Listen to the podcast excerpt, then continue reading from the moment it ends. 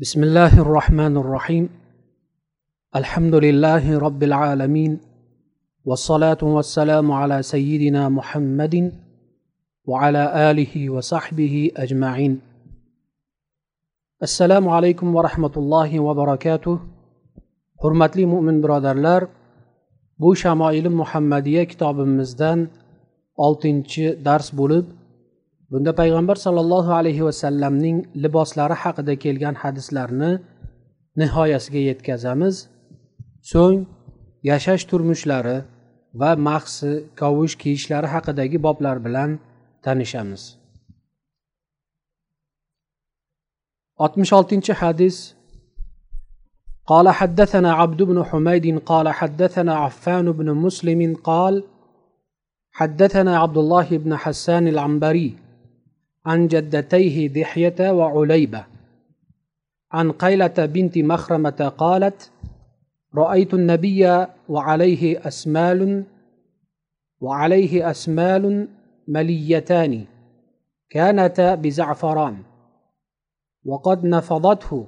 وفي الحديث قصة طويلة. عبد الله بن حسان الأنبري ikki buvilari duhayba va ular qayla binti mahramadan rivoyat qilishlaricha u ayol qayla binti mahrama aytadiki men rasululloh sollallohu alayhi vasallamni ko'rdim ustlarida ikki eski to'qilgan kiyim bor edi. Uning zafaron bilan bo'yalgan rangi ham o'chib ketgan edi. Muhaddislar hadisning sahihligida ixtilof qilib birlari hadis sahih desalar aksariyat ulamolar ko'pchilik ulamolar hadisning zaifligini ta'kidlaydilar oltmish yettinchi hadis قال حدثنا قتيبة بن سعيد قال حدثنا بشر بن المفضل عن عبد الله بن عثمان بن خثيم عن سعيد بن جبير عن ابن عباس رضي الله عنهما قال قال رسول الله صلى الله عليه وسلم عليكم بالبياض من الثياب ليلبسها احياؤكم وكفنوا فيها موتاكم فانها من خيار ثيابكم ibn abbos roziyallohu anhudan rivoyat qilinadi u zot aytadilar payg'ambar sollallohu alayhi vasallam oq kiyimlarga ahamiyat beringlar uni tiriklaringiz kiysin va o'liklaringizni shu bilan kafallanglar chunki u eng yaxshi kiyimlaringizdandir dedilar. Bu hadis sahih bo'lib hadisni abu dovud ibn mojja va muallifning o'zlari ham sunan deb nomlanmish kitoblarida rivoyat qilganlar. Abu dovudning sunan kitoblarini sharhi bo'lmish avnul ma'budda shu hadisga chunki oq kiyim kibru havodan uzoq bo'lib tavozulikka va boshqa yaxshi xislatlarga dalolat qiladi degan sharh berilgan. Oltmish sakkizinchi hadis. حدثنا محمد بن بشار قال حدثنا عبد الرحمن بن مهدي قال حدثنا سفيان عن حبيب بن ابي ثابت عن ميمون بن ابي شبيب عن سمره بن جندب قال قال رسول الله صلى الله عليه وسلم البسوا البياض فانها اطهر واطيب وكفنوا فيها موتاكم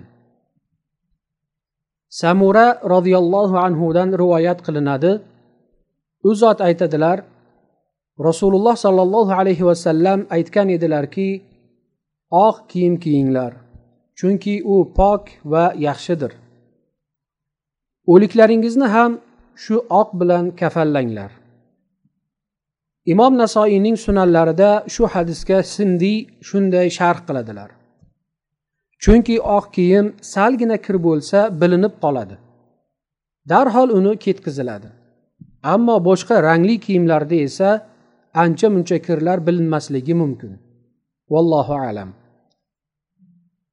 oltmish to'qqizinchi hadis قال حدثنا أحمد بن منيع قال حدثنا يحيى بن زكريا ابن أبي زائدة قال حدثنا أبي عن مصعب بن شيبة عن صفية بنت شيبة عن عائشة قالت خرج رسول الله صلى الله عليه وسلم ذات غداة وعليه مرط من شعر أسود bu hadis oysha roziyallohu anhodan rivoyat qilinadi aytadilarki bir kuni rasululloh sollallohu alayhi vasallam egnilarida qora jundan to'qilgan chopon bilan chiqdilar ya'ni avvalgi hadislarda oq kiyishga targ'ib qilinganligi uchun oqdan boshqa rangli kiyish mumkin emasligi tushunib qolinmasligi uchun bu hadisni imom termiziy rivoyat qilgan bo'lsalar kerak shuning uchun oq kiyishlik faqat afzallik bobidan bo'lib qora kiyish ham joiz yetmishinchi hadis قال حدثنا يوسف بن عيسى قال حدثنا وكيع قال حدثنا يونس بن ابي اسحاق عن ابيه عن الشعبي عن عروه بن المغيره بن شعبه عن ابيه ان النبي لبس جبه روميه ضيقه الكمين mug'irat ibn shubadan rivoyat qilinadi aytadilar rasululloh sollallohu alayhi vasallam ikki yengi tor rum cho'ponini kiygan edilar ya'ni rum diyorlaridan keltirilgan cho'pon kiygan edilar ulamolar bu hadisning sharhida bu kiyimni rasululloh sollallohu alayhi vasallam tabuk g'azovotida kiygan edilar deydilar. Tabuk g'azovoti ma'lumki rumlar bilan musulmonlar o'rtasida bo'lib o'tgan urushdan iborat. Babu ma jaa fi ayshi rasulillahi sollallohu alayhi vasallama va fihi hadithan.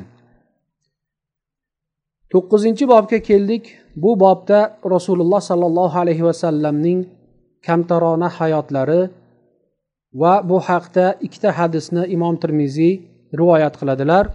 Yetmish birinchi hadis قال حدثنا قتيبة بن سعيد قال حدثنا حماد بن زياد عن أيوب عن محمد بن سيرين قال كنا عند أبي هريرة وعليه ثوبان ممشقان من كتان فتمخط في أحدهما فقال بخ بخ يتمخط أبو هريرة في الكتان لقد رأيتني وإني لأخر فيما بين منبر رسول الله صلى الله عليه وسلم وحجرة عائشة رضي الله عنها مغشيا علي.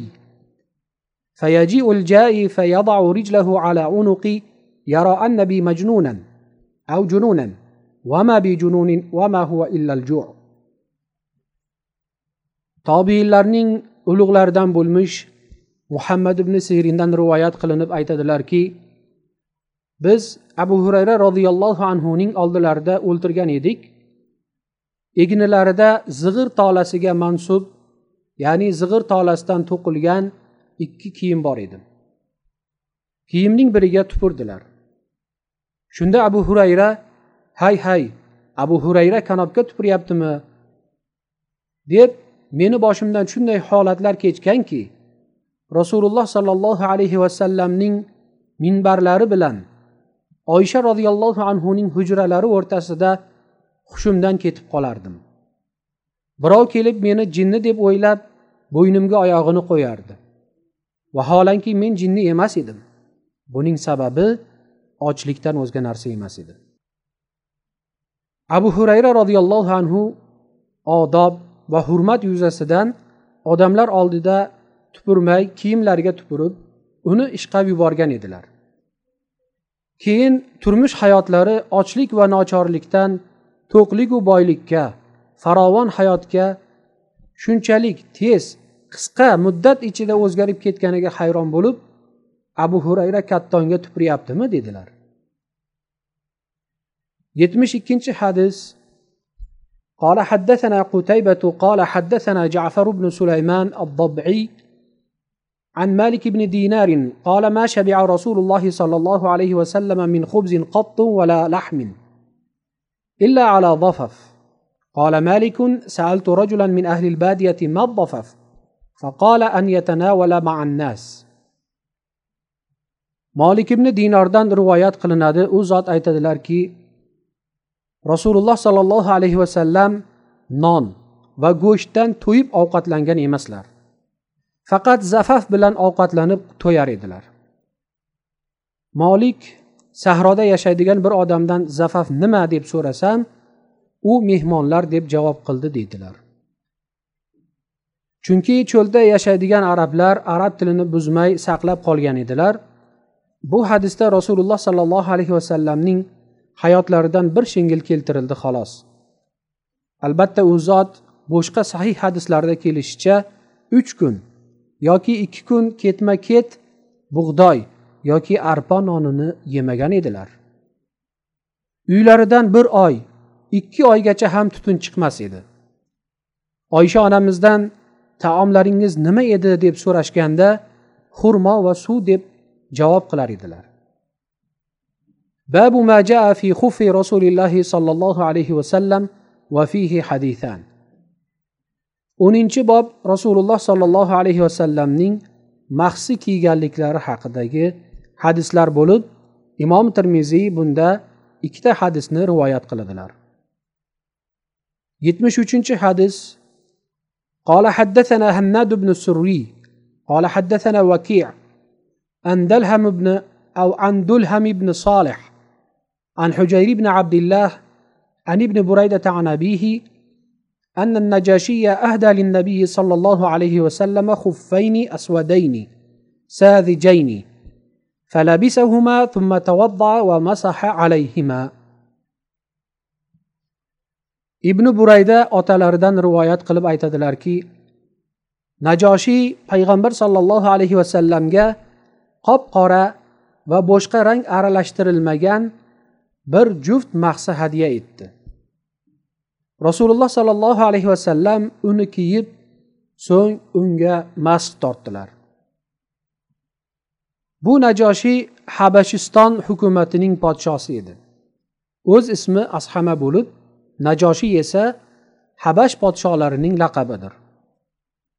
Ibn kasir rahimaulloh bidoya va nihoya kitoblarida aytadilarki o'sha davrlarda har bir davlat podsholarining laqabi bo'lar edi. Masalan fors podsholarining laqabi kisro rum podsholarining laqabi esa qaysar turk podsholarining laqabi xo'qon edi. Ashama ham rasululloh sollallohu alayhi vasallam amr ibn umayya orqali maktub yo'llab islomga da'vat qilgan podsholar jumlasidan edi. U hijratning oltinchi yilida islomni qabul qilib to'qqizinchi yilida vafot etgan edi.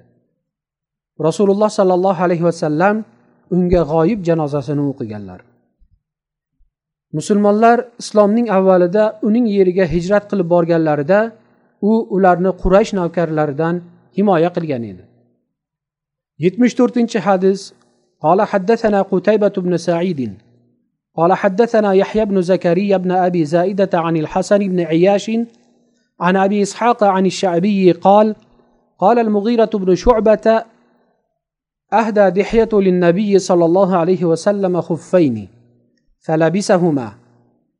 وقال إسرائيل عن جابر عن عامر وجبة فلبسهما حتى تخرقا لا يدري النبي أذكي هما أم لا. قال أبو عيسى وأبو إسحاق هذا هو أبو إسحاق الشيباني واسمه سليمان.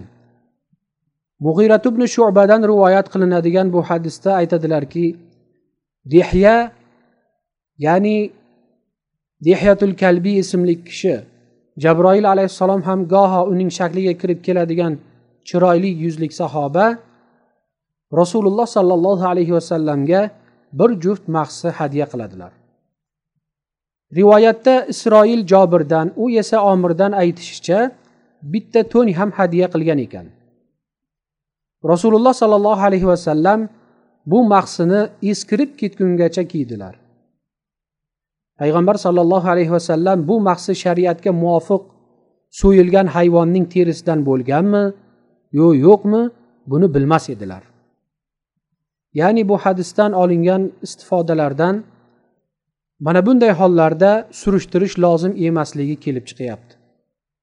To nopokligi bilingungacha. Xuddi shu masalaning o'xshashlaridan kishi birovnikida mehmon bo'lsa oldiga qo'yilgan taomni shariatga muvofiq so'yilgan go'shtmi yo yo'qmi deb mezbondan so'ramaydi. Va birov hadya qilsa ham uni surishtirmaslik kerak. Chunki musulmon kishi musulmon birodariga yomon gumon qilmaydi. Bundan tashqari o'lik hayvonning terisidan foydalanish joiz. Agar uning terisi oshlangan bo'lsa. باب ما جاء في نعل رسول الله صلى الله عليه وسلم وفيه اثنا عشر حديثا o'n birinchi bobga keldik bu bob payg'ambar sollallohu alayhi vasallamning kavushlari haqida bo'lib bunda imom termiziy o'n ikkita hadisni rivoyat qiladilar yetmish beshinchi hadis قال حدثنا محمد بن بشار قال حدثنا أبو الداود الطيالسي قال حدثنا همام عن قتادة قال قلت لأنس بن مالك كيف كان نعل رسول الله صلى الله عليه وسلم قال لهما قبالان qatoda rahimaullohdan rivoyat qilinadi u zot aytadilarki anas roziyallohu anhudan rasululloh sollallohu alayhi vasallamning kavushlari qanday edi deb so'rasam u zot aytdilarki payg'ambar sollallohu alayhi vasallamning kavushlarini ikki bog'lag'ich ipi bor edi. Ya'ni ba'zi sharhlovchilarning so'zlariga qaraganda ikki barmoq orasidan bo'ylash uchun o'tkaziladigan ipi ikkita bo'lgan. Biri bosh katta barmoq bilan keyingi barmoq o'rtasidan o'tgan bo'lsa ikkinchisi undan keyingi barmoq bilan navbatdagi barmoq o'rtasidan o'tgan ekan. Yetmish oltinchi hadis قال حدثنا أبو كريب محمد بن العلاء قال حدثنا وكيع عن سفيان عن خالد الحذاء عن عبد الله بن الحارث عن ابن عباس قال كان لنعل رسول الله صلى الله عليه وسلم قبالان مثني شراكهما.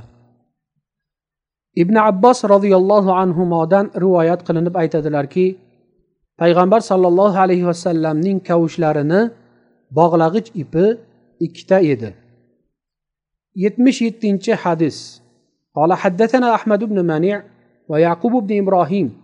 قال حدثنا أحمد بن الزبير. قال حدثنا عيسى بن الطهمان. قال أخرج إلينا أنس بن مالك نعلين جرداوين لهما قبالان. قال فحدثني ثابت بعد عن أنس أنهما كانتا نعلي رسول الله صلى الله عليه وسلم. Iso ibn tahmondan rivoyat qilinadi. U zot aytadilarki anas ibn molik bizga ikki tuksiz kavushni olib chiqdilar. Uning ikki ipi bor edi. Sobit keyinchalik menga anasdan rivoyat qilib u rasululloh sollallohu alayhi vasallamning kavushlari edi derdi. Bu hadisda anas roziyallohu anhu rasululloh sollallohu alayhi vasallamning barakotlariga haris bo'lib u zotning kavushlarini asrab yurganliklari va tobiinlarning ham mana bunday barakotlarga qiziqishlarini bilib olyapmiz bu narsalar bizlar uchun payg'ambar sollallohu alayhi vasallamga har narsada ergashishimiz uchun dars bo'lmoqligi kerak yetmish sakkizinchi hadis قال حدثنا إسحاق بن موسى الأنصاري قال حدثنا معن قال حدثنا مالك قال حدثنا سعيد بن ابي سعيد المقبوري عن عبيد بن جريج أو عن عبيد بن جريج أنه قال لي ابن عمر رأيتك تلبس النعال السبتية. قال إني رأيت رسول الله صلى الله عليه وسلم يلبس النعال التي ليس فيها شعر ويتوضأ فيها فأنا أحب أن ألبسها. ubayd ibn jurayjdan rivoyat qilinadi u kishi ibn umar roziyallohu anhudan nima uchun tuksiz kavush kiyasiz deb so'raganlarida u zot men rasululloh sollallohu alayhi vasallamni tuksiz kavush kiyganliklarini ko'rganman. O'sha kavushlar bilan tahorat ham qilar edilar. Shuning uchun men mana shunday kavush kiyishni yoqtiraman dedilar. Ya'ni rasululloh sollallohu alayhi vasallam u kavushni oyoqlaridan yechmasdan oyoqlarini yuvar ekanlar. Shuning uchun men uni kiyishni yaxshi ko'raman dedilar.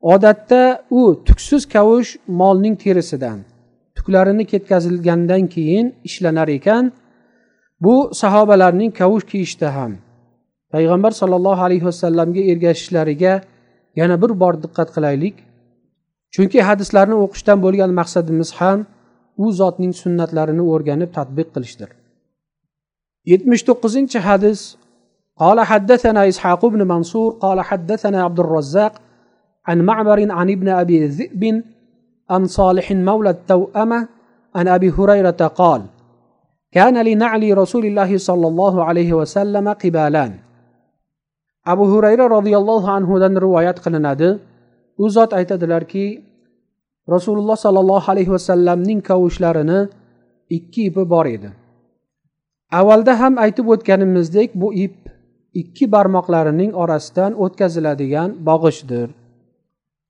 mana shu yerda darsimizga yakun yasab qolgan hadislarni kelgusi darsimizda o'qiymiz inshaalloh. Va alloh taolodan sunnatlarga ergashadigan mo'minlardan qilishini so'raymiz. Va axiru davana anilhamdulillahi robbil alamin. Assalomu alaykum va rahmatullohi va barakatuh.